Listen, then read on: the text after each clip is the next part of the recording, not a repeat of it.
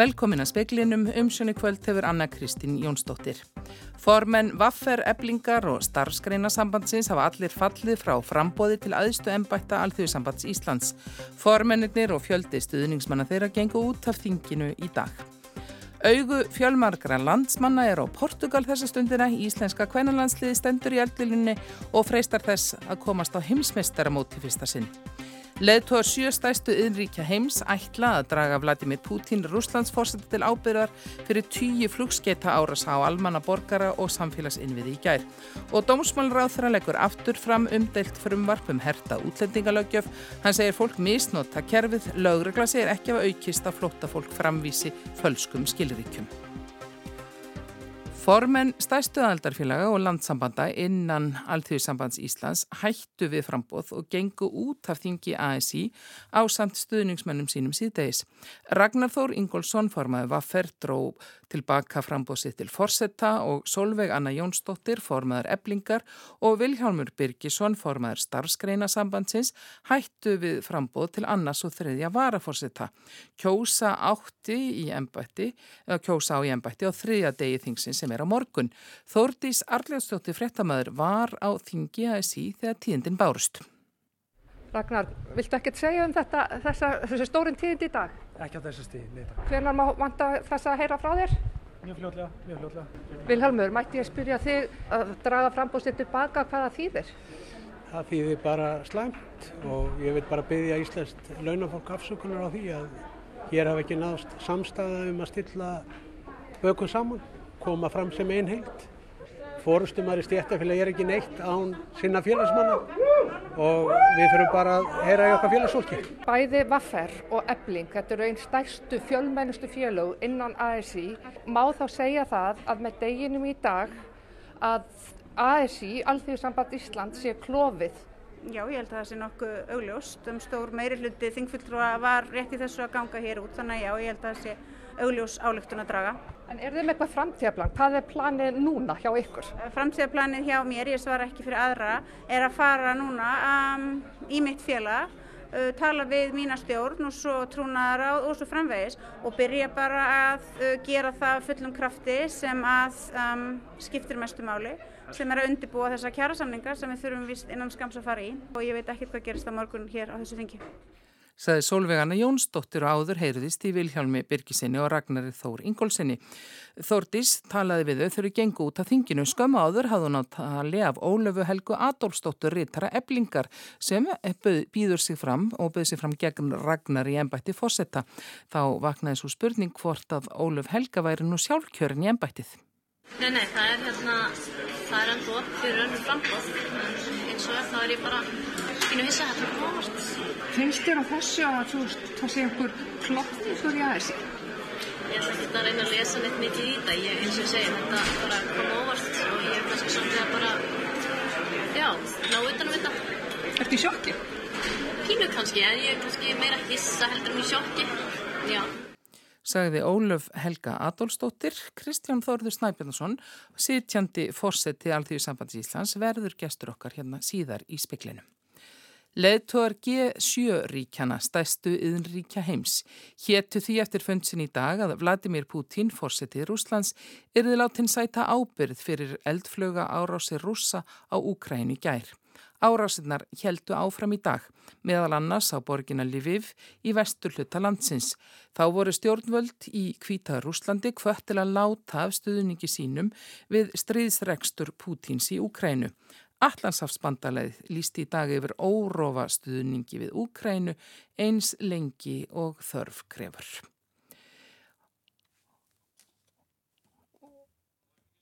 Og nú er nýhafin síðari hálfleikur í Porto í Portugal þar sem að íslenska kvennalandsliði knaspinu leikur gegn Portugal í umspili um laustsæti á heimsmeistaramótuna næsta ári. Staðan er enn marka laus. Íslendingar fylgjast víða grant með leiknum meðal annars í Ölveri í Reykjavík og þar var stór hópur stuðningsmanna Alma Ómarsdóttir ætlaði að fara þangað en við höfum ekki náðu sambandi við Ölmu þannig við heyrum kannski betur af því og eftir en bara bendum á það að leikurinn er í beitni útsendingu í sjónvarpinu og á Rást 2. Ferðarþjónustan á Norðurlandi krefst þess að reglulegu snjómokstur verið tekinu upp á Dettifossvegi. Fossinn sé ein af likilstöðum í ferðarþjónustu í fjórðungnum og þessu líkt við að ófært væri að gullfossi allan veturinn. Dettifossvegur var tekin í gagnið hausti 2020. Um leið opnaði Stemansringurinn 250 km ringveður á Norðurlandi sem liggur að mörgum af helstu náttúruperlum í landslutanum. En ringurinn rofnar þegar snjóar því ekki hefur verið sett fjármagnir reglulegan mokstur á Dettifossvegi. Þannig að nú fyrir að byrja að snjóa þá lokast vegurinn fyrirvara löst og ferðamenn bæði þurfa að breyta sínum plönum, komast ekki þánga sem er ætluði eða keira af stað hreinlega og lendi ógangum sem eru þetta hættileg staða. Segir Arnheður Jóhannsdóttir framkvæmdastjóri Markastofu Norðurlands. Hún segir með ólíkjendum að komið sér á þriðja ár frá því Dettifossvegur var opnaður og þetta sé ekki komið í lag. Ferðarþjónustan kalli eftir skilningi hér á þeirrum og ræði við vegagerðina og samgöngu yfirvöld til að sína fram á þörfina fyrir mókstri. Það er svolítið verið að segja ykkur að, að menn geti tali ferðamenn og trafíkinn sé ekki það mikil að það fyrir ekki að vera opið en það eru eitthvað engin umferð á stað þar sem er ekki verið að móka. Og erlendir ferðamenn skilji ekki af hverju þeir komist ekki að kraftmesta fossi í Evrópu. Þannig að þeir bara búast við að komast allt árið. Og ég segi bara þetta er eins og að vera með lokaða gullfossi. Og það er um nokkur ár síðan að menn leisti það mál og það hlýtur verið að leysa þetta mál líka. Þetta sagði Arnheður Jóhannsdóttir, Ágúst Ólafsson talaði við hana en hér var að koma hlaupandi inn Freyr Gíja Gunnarsson, fréttamaður sem að fylgist eins og margir spentur með leik Íslendinga við Portugali suður í Porto og það voru stórtíðind að gera streitt í þessu. Já, það eru vendingar í þessum leik. Það er hérna verið að skoða mark sem að Ísland var að skora. Það er þessi myndbandstómsgæsla þegar allir fagna og svo Og svo bara spóla minn aftur og bak. Spóla minn aftur og bak og sjá hvort það sé einhver, eitthvað brot í gangi. Þannig að, að nú er verið að skoða hvort það hafi verið eitthvað leikbrot í, í, í aðdraðanda þessa marks og hvort það hafi skipt máli. En eins og staðan er núna, að, nú er dómarinn að taka ákvörðun Já. og Og hvað segja þeir? Markið er dæmt af. Markið er dæmt af, þannig að staðan er áfram 0-0. Yes. En þetta er að miskusti hreyfir við hjörtum þeirra stuðningsmannana og það er bara að halda áfram og gera það aftur. Þakkaði fyrir Freyr Gíja Gunnarsson. Mikil fjöldi stuðningsmanna Julians Assange, stopnanda Wikileaks, sló hring um þinghúsi í Vestminster í Lundunum, höfuborg Breitlandsum helgina og kræðist þess að hann erði umsöfalaust látin laus. Fólkið bar skiltið þar sem sagði meðal annars Blaðamennska er ekki glæpur og lögsækið stríðsglæpamenn en Assans ekki. Emt var til samkomu til stuðnings Assans í Zagreb höfuborg Kroatíu einnig.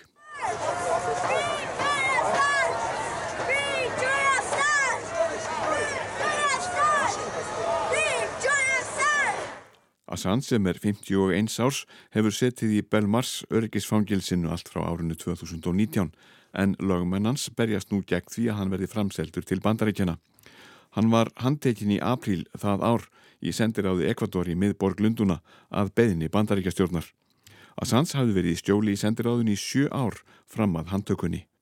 Assange er ákjærður í bandaríkjónum fyrir brot á njósnalögum með því að byrta árið 2010 leginilög stjöl bandaríska hersins og utanríkis þjónustunar varðandi innrásinnar í Írak og Afganistan.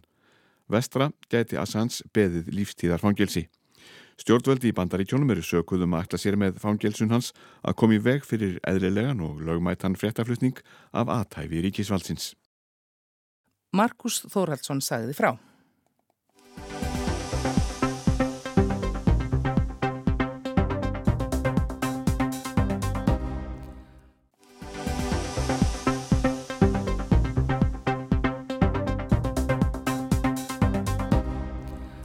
Þings alþjóðsambandsins sem hófst í gær hafi nú bara verið beðið með talsverðri eftirvæntingu. Það hafi verið mikil og greinilega átök í sambandinu undarfærin misseri og þau sáust nú berlega þegar að Drífa Snædal sagði af sér sem fórseti síð sumars. Í dag þá gengur fórustumenn stæstu stjættafélagsambandsins út af þinginu eins og við sagðum frá hérna fyrir frettímanum, dróðu frambóð til trúna að starfa tilbaka. Kristján Þórður Snæbjörnsson er sitjandi fórseti alþjóðsambandsins, bauð sig fram til fyrsta varaforsta, kom til sæl og velkomin. Bara hver er þín viðbröð við þessum tíðundum sem eru þarna í dag? Já, viðbröðin er náttúrulega þannig að þetta er bara mjög erfið staða og sláandi sem við erum að klíma við núna. Það, það að missa út svona stóran hóp og þessi frambóð eru þetta eitthvað sem maður bjóst ekki við. Var, ég hafði auðvitað gengið út frá því að, að við gætum tekið stór skref fram á við og náðu svona saminningu í þetta starf okkar og eld fórustuna um, fram á við. En það er augljóslega uh, breyting þar á. Hvað ætlað þú sjálfur að gera? Eins og ég sagði, þú hefði gefið kostaði til fyrsta varafórseta og það er svo sem komið annar mót frambóð þar líka, en mm. ætlað þú að standa við það eða hyggstu kannski bjóða þig fram til fórseta? Já, það sem að ég þarf núna að gera er auðvitað bara að meta stöðuna. Nú er búið að fresta þinginu til morguns og við munum þurfa að koma saman í fyrramálið. Um, ég hef ekki tekið ákverðin um að hérna, ennþá að bakka með frambóð mitt ég stórefast um að ég fari að gefa kostamann í fósetta. Ég hef ekki ákveðið neitt um það og, og mér finnst það mjög ólíklegt að ég gera það. Þú segir það að þið frestuðu fundi og ætla að halda áfram á morgun. Er hægt að halda áfram með þingið eða er það bara þingið gilt svo fremið sem einhverju mæta af þeim fulltrúin sem að það hafa verið valdir? Já, það er einmitt svona hluta því sem að þingið þarf að vinna með í fyrramálið. Eh, hvort að hvernig bara hver staða merður eh, það er rosalega erfitt að segja til um það akkurat núna hvort að veri starfhæft eða, eða ekki. Menn líta svolítið á að hafa teiknað upp sem tvær fylkingar mm. núna og, og svona teiknað þetta all, alls svolítið aftur í söguna. Hvað stendur þú? Ég auðvitað stend svo sem ofta á, til hliðar við það sem hefur verið í gangi á hverjum tíma. Eða að manna hópurinn hefur auðvitað verið samstiga í þeim málum sem við höfum verið að vinna með. Eh, það eru þetta búið að vera erfitt að horfa upp á þetta ástand sem að hefur verið eh, innan sambandsins og, og þetta hefur þetta haft áhrif á allt sem við erum að gera en, en hérna eh, ég er ekki svo sem í nænum fylkingum eh, hvað þetta var þar. Mm menn hafa talað um að þetta sé persónlegur ágreiningur að hluta til eða sem ég segja algjörlega. Hva, hvað segir þú? Það hefur hafa fallið stór orð í þessari umræðu og þetta hefur verið mjög hatrum og heftug umræða sem mm. hefur komið þarna fram en talað um ofbeldi og ímislegt mm. fleira, þöggun og ímislegt fleira. Hvað finnst þér um andrumslofti sem er svona í aðdraðandas? Þetta er náttúrulega ástand sem er óbúðslega erfitt að, að lifa við í svona samtökum. Eh, við verðum að geta verið í þeirri stöðu að, að ræða saman og skiptast á skoðunum. Eh, en það auðvitað, hefur ekki farið fram hjá neinum að, að hvernig orðuræðan hefur verið og, og, og hún er auðvitað einhver, til framdráttar það sem hefur komið fram. Sólvíðana tók undir það að sambandi væri klófið mm. eins og við segjum, við, þetta, eru þetta eru stór félög, þetta eru stærstu félögin einstöku félögin innan sambandsins eh, hvernig og talaði um það að það er að skoða svo stöðun áfram um það mögulega að draga, fólk, draga félögin út úr alþjóðsambandinu hvernig ganga félög úr alþjóðsambandinu? Í, já, þetta er náttúrulega, það er augljóst að, að hérna, þetta er klopningur innan, innan okkar aða. Eh, ef að félög ætla að draga sig úr að þá hérna, þarf auðvitað bara að fylgja þeim ferlum sem það er og það eru kostningar innan félagana. En auðvitað myndi ég vilja núna taka svolítið bara þennan næsta sólarhing og sjá hvar við stöndum. Ég held að það sé auðvitað bara mikilvægasta og, og hérna Já, og reyna að vinna með það, en, en þessi ferðlar auðvitað líkja alveg nokkuð ljósi fyrir. Það þarf að heyra í félagsfólkinu. Það er félagsfólkið sem að ræður því eh, hvernig, hvaða aðild eh, félagin eiga að sambandinu. Mhm. Hefur þú talað við eh, þau, þessi, þessa þrenningu, eftir þetta gerist í dag? Ég er búin að tala við auðvitað, marga, marga eftir þetta gerist og, og hérna er auðvitað, svona, maður er að reyna átt að sjá bara stöðinni, bara hvernig hún er og ég mun vonandi eiga fjölmörg samtöl fram á við líka og eftir kvöld, fram eftir kvöldi. Myndu leggja þeim að mæta til þingsans á morgun og með, sitt, með sína fulltrú? Ég, held að það sé ekkert, ekkert líklegt að það, það gangi upp sko en, mm. en þetta vonandi komaður. En hver verður bara framtíð, alveg því samband, hvað áhrif hefur þetta inn í kjara viðræðna sem eru núna bara eftir nokkra, örfóða daga líkum við að segja, að, að byrja að lota? Akkurat. Uh, áhrifin verða vantala þó nokkur í, í samningum. Við vorum búin að vera að reyna að teikna þetta ferli upp, að, að taka höndum saman í þeim. Uh, en það er hins vegar, maður veit eiginlega ekkert hvernig staðin er nákvæmlega núna og, og við þetta þurfum að vinna úr þessari stöðu sem við erum í. það skýrist vonandi næstu, já ekki næstu daga, heldur bara næsta sólarhengin, er það ekki, eiginlega? Vonandi, eða, eða næstu daga. Næstu daga. Kristján Þóruð Snæbjörnsson, þakkaði kjærlega fyrir komina í speil. Takk fyrir.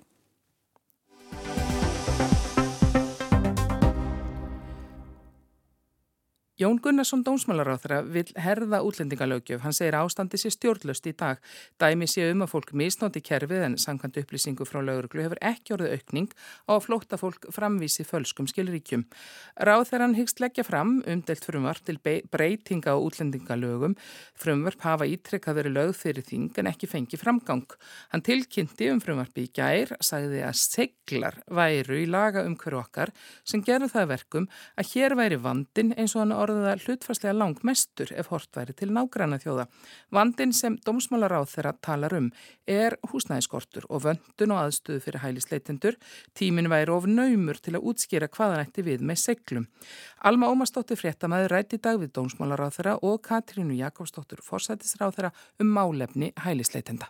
Hvað áttu við með þegar þú segir seglar?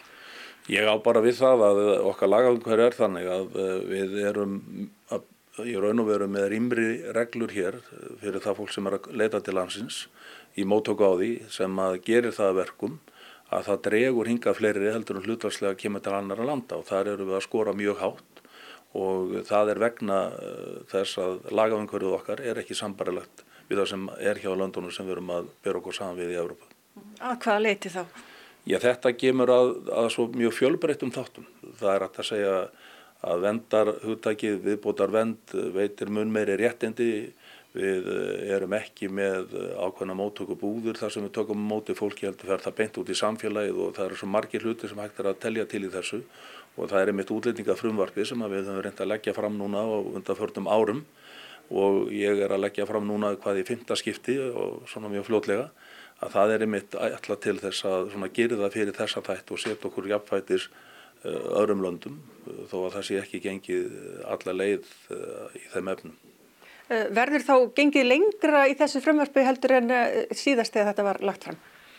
Það verður svona sambarilegu nótum eins og það síðast eða var lagt fram. Þú talar um að já, hlutvarslega sé vandin meiri hér heldur en nágranna, hjá nágranna þjóðunum. Ertu þá bara að tala um hlutvarslega varandi fjölda eða bara hvernig við getum náðu utanum vandan? Já, það er í raun og veru að hangi saman.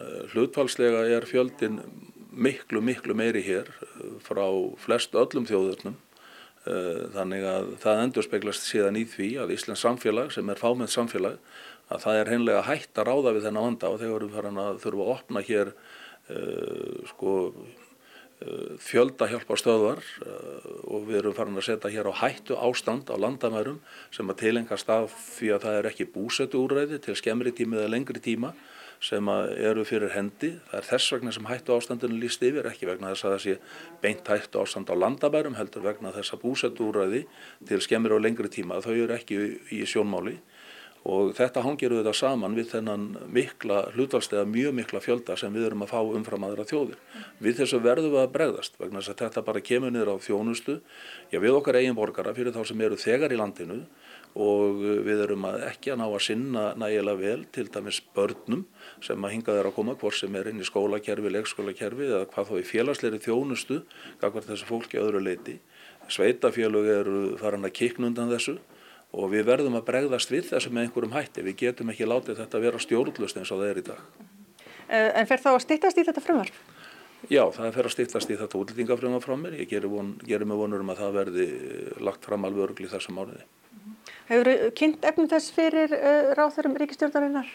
Ekki sérstaklega, við höfum rætta en þetta frumvarp kemlíkt hefur komið fram áður þannig að það er nú á að vera ágætlega kunnugt. Þú hefur talað eins um það að það sé verið að misnúta kerfið á einhvern hátt. Veistu dæmi þess að fólk hafi verið að koma hérna á fölskum fórsöndum með fölsuð vegabrif og svo framvegis? Já, við teljum okkur hafa uh, fullvissu um það að slíkt sé og Ísland er ekkit eina landi sem er að glíma við það og þetta hefur nú verið fjallað um þetta meðalans í erlendu fjölmiðlum að vegabrif frá ákveðinu löndum ganga kaupum og sölum og fólk er að koma hér með algjörlega löglega vegabrif. En það er áberandi já að það er að koma hér fólk til landsins með eh, nýjútgefin vegabrif eh, frá landum og eh, sem eru þá í allt öðrum heimsluta heldur en þau eru kannski auðvuslega að koma frá. Þannig að þetta er viðánandi vandamál í vendakerfinu og það er mjög mikilvægt að við hugum að því að vendakerfi saminuð þjóðuna sem við erum aðelara það snýra fólki sem, að, sem er að koma frá svæðum þar sem að líf þess og limir er í hættu. Eh, þannig skjótu við eh, skipulega skjólsúsi við fólk frá Úkræn og tökum ákvarðanum um að greiða för þess en betur inn í landið heldur en alla. Eh, en þetta á ekki við öllum öðrum tilfellum af fólki á öðrum löndum og og hérna við erum því miður með fólk sem er ekki að koma hér á réttum forsendu þegar það fer inn í vendakerfi, heldur ætti að fara eftir öðrum leiðum inn í landið, það er að segja að það ætti þá að vera að sækja hér um dvalalegu og atvinnulegu það vil búa hér og starfa. Mm -hmm. Og eru svona mál til rannsóknar hjá lauruglu? Já, ég veit að lauruglu er að skoða þessi mál. Já, ertu sammála því að það þurfi að herða útlendinga lögjöf eins og domsmjölar á þeirra bóðar? Það sem við þurfum að átt okkur á er að hinga hafa komið ríflega 3000 manns á þessu ári og meir en 2500 af þeim koma frá teimlöndum, annars verður það fólk frá Úkræðinu sem stjórnveld tóku sérstakka ákvörðum að bjóða velkomin hinga og hins er það fólk frá Venezuela sem hefur komið hinga meðal annars vegna úrskurðar kæru nefndar útlendingamála um það hvernig bera meðhandla umsóknir frá Venezuela. Þannig að þegar við horfum á stóru myndin að verðum að gera okkur grein fyrir því að þetta eru uh, tvö land sem þarna eru undir og þar liggja að baki ákveðinar stjórnvalds ákvarðanir. Ég held hins vegar að það sé alltaf mikilvægt að við séum að fylgjast með málum. Það er alveg ljóst að þetta er að skapa álaga okkar innviði. Ég get talað um skólana, húsnæðismál og annað. Þannig að við erum auðvitað að vega og metta þessi mál. Við settum á lakina sérstaklega ráþæra nefndum útlendinga og innflytindamál sem fundaði nú síðast í morgun. Það er sem við erum að ræðir en að vera bestu leina til þess að við getum áfram tekið á móti fólki en gert það með sómasamlegum og góðum hætti og það er auðvitað stóra verkefni hvort að það sé þörf á einhverjum breytingum uh, á útlendingarlaugjöf, já ég meina það kann vel að vera að við þurfum að skoða það hvernig við getum gert hana uh, skilvirkari í okkar samfélagi en um leið verða áfram mannuða sjóna meðan að leiðaljósi í okkar meðanduna á þessu málum. Hefur dómsmálar á þeirra kynnt þessar hugmyndir fyrir ykkur?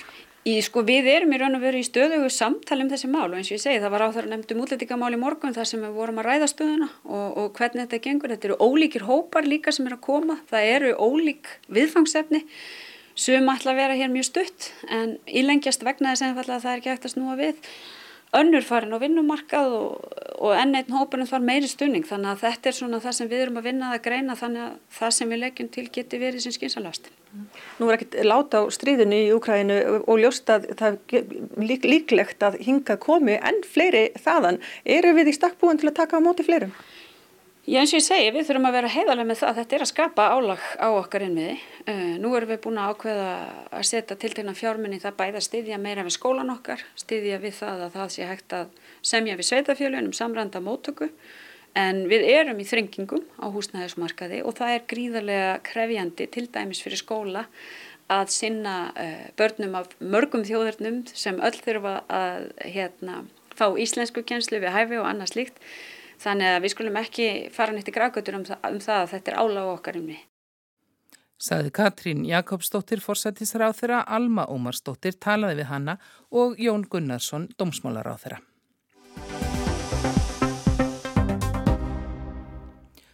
Leðtóðar sjö helstu yðnuríkja heims héttu því á fundi sínum í dag að halda áfram stuðningi við Úkrænu í baróttunni við rússa eins lengi og þörf grefði. Þeir ætla að draga rússlandsforsetta til ábyrðar fyrir árásir í gær. Forseti Úkrænu tók þátt í fundinum og óskaði eftir því að alþjóðlegum hópi er þið falið að fylgjast með öryggismálum á landamærum Úkrænu og Kvítarúslands því að árás Kvít-rúsnesks herliðs væri yfir vofandi. Leðtóar G7 ríkjana svonemdu voru kallaðir til skyndifundar í dag eftir yfir 100 flugskeita og dróna árásir rússa í gær á almenna borgara og samfélagsinnviði í borgumabæjum viðsvegar í Úkrænu. Þeim hefur verið það framhaldið í dag. Volodymyr Selenski, Úkrænu fórseti ávarpaði fundin.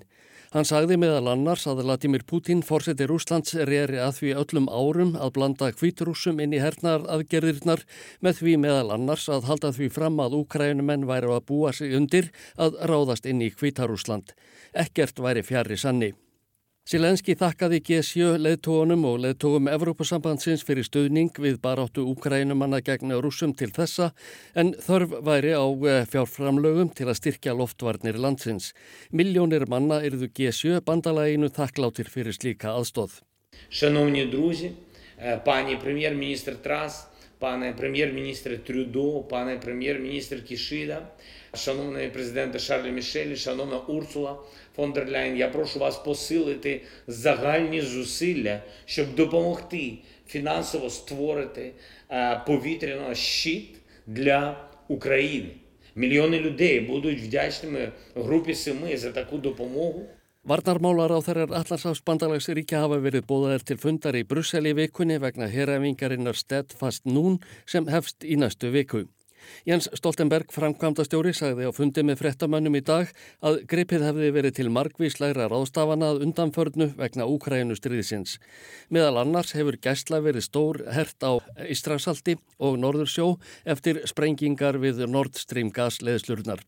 Um tíðindi gerðdagsins saði Stoltenberg að árásir á almenning og innviði síndu veikleika rúsnarska hersins sem hefði ekki náð neinum árangri á vikstöðvonum. Pútín fórsetta er að mistakast í Úkrænu, saði Jens Stoltenberg. Tilraunir hans til að innlima úkrænsk héruð í ríkisitt Herrkvaðningin og gáleisislegar yfirlýsingar um að beita kannski kjarnorkuvopnum eru mestasti mögnun ófriðarins frá því að innrásin hófst. President Putin is failing in Ukraine. His attempted annexations, partial mobilization, and reckless nuclear rhetoric represents the most significant escalation since the start of the war. Skilabóð okkar eru skýr bætti Stoltenberg við, NATO stendur með Úkrænu eins lengi og þörfur á. Putin fórseti hóð þetta stríð, hann verður að ljúkað við. Our message is clear. NATO stands with Ukraine for as long as it takes. President Putin started this war. He must end it. Allserið þing samanuðu þjóðana kom saman í gær til að ræða ákvarðin Pútins um að innlima fjögur ukrainsk héruð í Rúsland. Á fundinum fór mestur tími að ræða flugskeita og dróna árásir rúsa í gær. Sergir Kislitsia, sendi herra Úkrænu hjá saminuðu þjóðunum, sagði að þær hefðu enn einu sinni sannað tvískinnung rúsa. Þeir þættust vera að vernda almenna borgara með innlimuninni en þessi stað gerðu þeir árásir á þá með tugum flugskeita. Rúsnarska sendinemdin skilur eftir sig blóðslóð þegar hún gengur hérna inn og fyllir salin með lykt af brennandi holdi, sagði sendiherran. Þetta létum við of lengi yfir okkur ganga í Sýrlandi og núna er þetta að gerast í Ukrænu. A trail of blood is left behind the Russian delegation when it enters the General Assembly. And the hole is filled up with the smell of smoldering human flesh. That's what we have tolerated too long in Syria. That's what is happening today in Ukraine. Vasili Nebensia, sendi herra rúsa, sagði að sprenging hlutabrúarinnar sem tengir Krímskaga og Rúsland síndi hversu langt Úkrænumenn væru tilbúinir að ganga. Þeir hefðu verið varaðir við að árás sem þessi hefði afleðingar. Með því að fremja hriðjuverk og morða á ennbættis og stjórnmálamönnum hefðu þeir lagt sig að jöfnu við hrikalegustu hriðjuverkasamtök heims. Совершая подобные диверсии, организуя террор и убийство неугодных им чиновников и политических деятелей, киевский режим поставил себя на одну доску с самыми одиозными международными террористическими организациями. Sendiherran bætti við að með aðgerðum sínum stöðluðu vesturveldin að því að Úkrænumenn heldu áfram að berjast þar til sá síðasti væri fallin í stað þess að leita friðsamlegra lausna. Ásker Tómasson sagði frá. Veðurhorfur það verður suðaustanátt 5-13 metrar á sekundu og víða ryggning en vestlægri og smá skúrir vestanlands í kvöld. Suðvestan 3-10 á morgun, skúrir á vesturhelmingi landsins en yfirleitt þurrt og bjart eistra. Hitti á bylnu 3-9 stig. Og staðan er 1-1 í leik Íslands og Portugals þar sem slagurinn stendur með sæti á heimsmeistaramóti hvenna í fótbolta. Það eru tæplega 20 mínútur eftir af vennjulegum leiktíma. Portugal komst yfir úr vítaspilnu á sama tíma og Ísland misti mannavelli, einum færri náðu, náði Ísland að jafna og það gerði Glótis Perla Vigostóttir. Staðan er ennþá 1-1. Það verður farið í framlengingu ef það breytist ekki fyrir lok venjulegs leiktíma. Leikurinn er í beitn útsending á Rúf og Líslíka á Rás 2 og sjómarsfréttir verða strax að leik loknum. Fleiri er ekki speklinum í kvöld, tæknimaður var Markus Hjaltason, veriði sæl.